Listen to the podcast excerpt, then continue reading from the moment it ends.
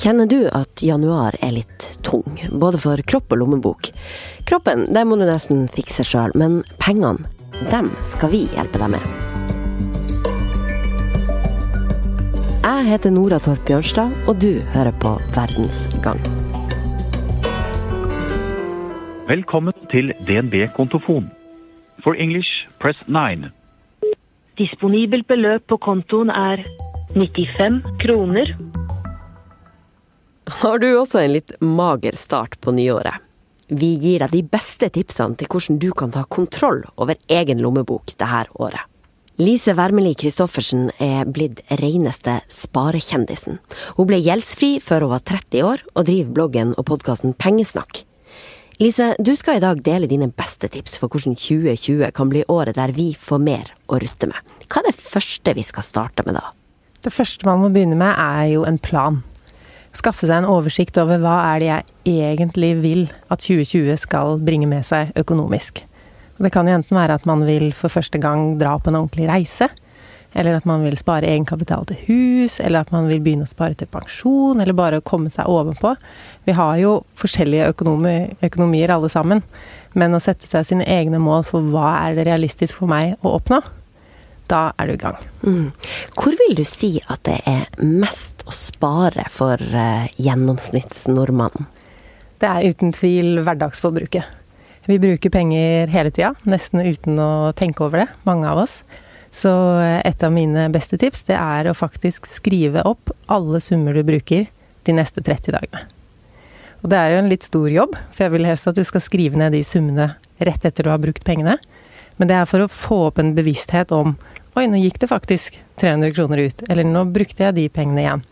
Og når du ser hvor fort den lista du skriver ned på, fyller seg opp, så begynner du å tenke på forbruket ditt på en litt annen måte, og øke bevisstheten rundt er det egentlig dette jeg vil at pengene mine skal gå til? Disse småkjøpene. Mm.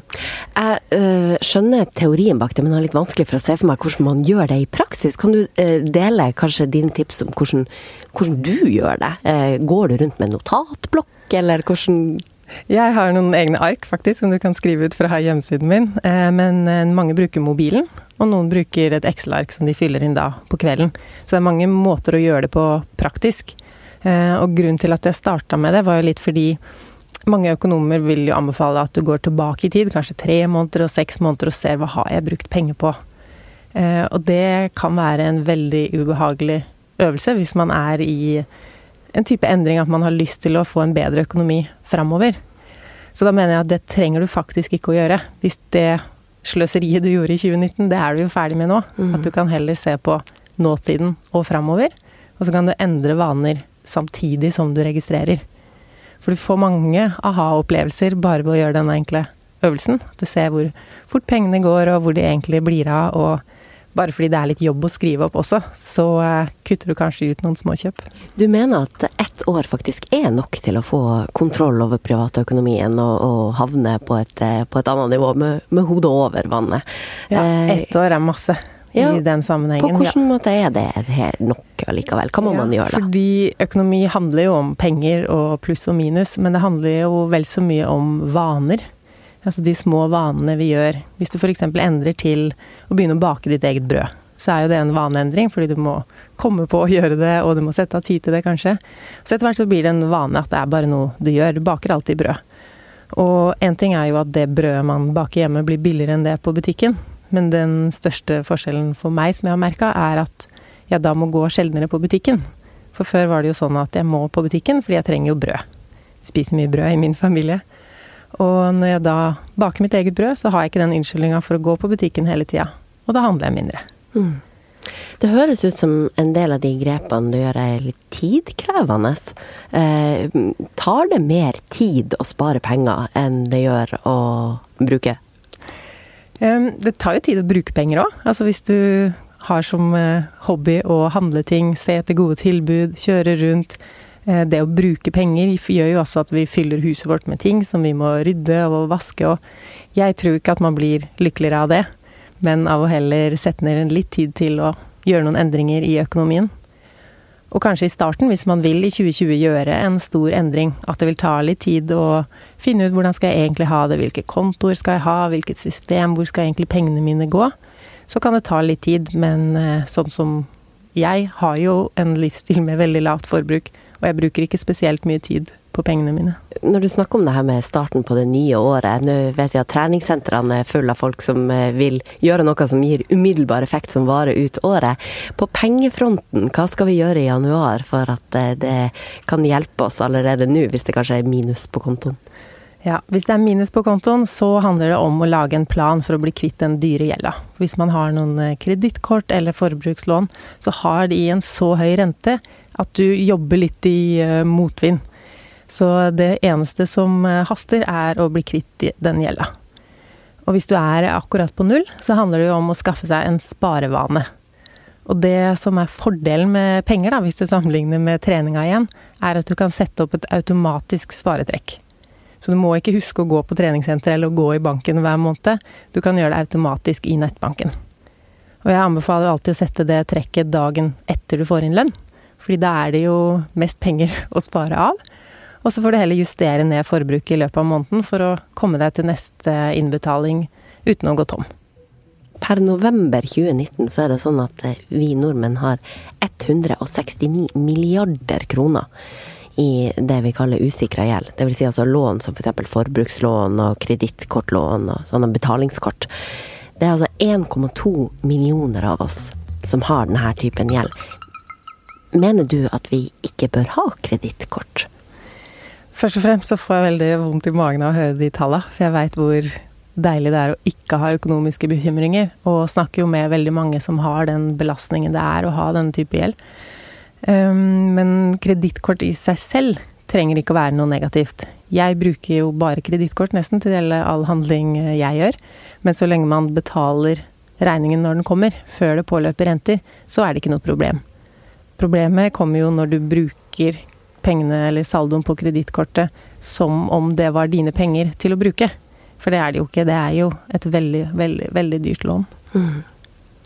Eh, Lise, du som sitter foran meg nå, der lytterne ikke kan se at du har på deg en fin mørkeblå kjole med noen trær på, og en cardigan og ja, Pen i tøyet nå på nyåret. Eh, men her er altså to av kun 30 plagg som du har. Uh, ja, jeg har 33 plagg faktisk 33 plagg. Men det, da er det med jakker og sko og skjerf og votter, smykker og belter. Det jo, høres jo eh, krevende ut å begrense seg, eh, hvis jeg skal snakke for, for meg sjøl. Det høres Hvordan, veldig begrensende ut, ja. Men, ja, men min erfaring av det er at det faktisk er så befriende. Ja, hvordan kan man være både velkledd og spare penger? Det handler om å bare ta alt ut av klesskapet, og så henge tilbake det du liker. Fordi selv om vi har klesskap som er fulle, så er det veldig mange plagg inni der som er irrelevante for enten sesongen. Hvis du har masse sommerklær der nå som du uansett ikke får brukt, eller du har gått opp eller ned i vekt, at det er et eller annet som ikke passer, så er det kanskje noen ting som du bare ikke liker å bruke akkurat nå. Så ved å bare fjerne de tingene som du ikke bruker, og la de tingene du faktisk elsker eh, nå for tiden henge der, så er det bare positivt å ha færre klær. Selger du de andre klærne for å tjene penger, da, eller? Jeg selger en del, men eh, jeg pakker de bort. Og så når det blir en ny sesong, så finner jeg fram vårklærne mine igjen. Mm. Og da blir det en type gjensynsglede av de klærne jeg har pakket bort, som kanskje ikke sett på et år. Og da er det litt som å gå på shopping i uh, egne klær. Mm. Så jeg har veldig lite behov for å fornye meg i klesveien, fordi jeg fornyer meg jo fire ganger i året. Men det er jo mine egne klær, da. Stort sett. I fjor kjøpte jeg fire nye plagg. Men alle var brukt. Fire brukte plagg. det var det, ja. Eh, du sparte lenge 20 000 av de 30 000 kronene du tjente hver måned. Nå skjønner jeg at du i hvert fall ikke har brukt mye av de på klær. Eh, men hvordan gjør du det? Mye av grunnen til at jeg kunne gjøre det, var at jeg hadde nedbetalt boliglånet mitt. Og grunnen til at jeg hadde nedbetalt boliglånet, var at jeg er kanskje litt i overkant redd for gjeld, og liker ikke å sette meg i en situasjon der jeg skylder andre penger. Så med en gang jeg fikk boliglån, så prioriterte jeg veldig hardt å bli kvitt det lånet. Og så så jeg hvor store endringer det kunne ha om jeg betalte inn bare 200 kroner mer i måneden, eller hvis jeg økte det med en tusenlapp, hvor, rask, hvor mye raskere jeg kunne nedbetale hele lånet. Så jeg fikk veldig sånn dilla på å nedbetale lånet. Og når jeg da ble 29 og hele lånet var nedbetalt, så måtte jeg tenke hva, hva skal jeg bruke de sparepengene på nå? For jeg hadde jo da 20 000 i måneden som jeg ikke ville plutselig begynne å bruke på forbruk. Fordi jeg har egentlig bare holdt den samme livsstilen som jeg hadde da jeg var student. Og så at jeg trenger ikke å la forbruket skyte i været. Jeg har det veldig bra sånn jeg har det nå. Det er ingen uh, ting jeg trenger eller ønsker meg. Så jeg bare fortsatte med det lave forbruket. Og syns det gir meg veldig mye. Men uh, det er jo en ting som har skjedd siden du var student, nemlig at du har fått barn. Og det opplever kanskje mange at det gjør noe med måten uh, de bruker penger på, eller gjør noe med privatøkonomien. Hva er dine beste tips for dem som er i den fasen av livet? Ja, jeg var jo redd for det, eller forberedt på det. Og veldig mange fortalte meg at den dagen du får barn, så ryker regnestykket ditt fullstendig. Eh, nå er sønnen min tre og et halvt, så han kommer kanskje til å bli litt dyrere etter hvert. Men foreløpig så har han vært overraskende billig. Og eh, da jeg ble gravid med han, så kjøpte jeg en veldig dyr barnevogn. Det var det første sånn innkjøpet jeg gjorde. Og da tenkte jeg òg at dette kommer jo til å bli dyrt. Det er jo så mye han trenger, eller så mye jeg tror han trenger. Så da begynte jeg heller å kjøpe ting brukt, og aller mest egentlig hente gratis ting fra finn.no. Så på resten av babyutstyret, klær, seng, stellebord, alt han trengte, så brukte jeg under 2000 kroner. Og ehm, så er vi heldige nå som han har blitt litt større, at vi har noen venner som han arver klær av. Og, eh, så jeg kaller han for arveprinsen på bloggen, for han har bare arvede klær. Det må jo være noe du gir avkall på eh, når du sparer så mye. Hva er det man ikke ikke kan unne seg hvis man skal eh, bli eh, spareprinser og spareprinsesser? Ja, jeg tror litt av nøkkelen er å finne ut hva jeg er opptatt av, eller hva hver og enkelt av oss er opptatt av. Fordi det jeg gir avkall på, er jo ting som ikke er så viktige for meg. Jeg har ikke så glede av å gå på festival eller dra på lange reiser, så da prioriterer jeg bort det. Men eh, så er jeg veldig opptatt av å bo fint. Jeg hadde lyst på en enebolig med hage og god plass et fint område, så jeg har jo brukt vanvittig mye penger på bolig.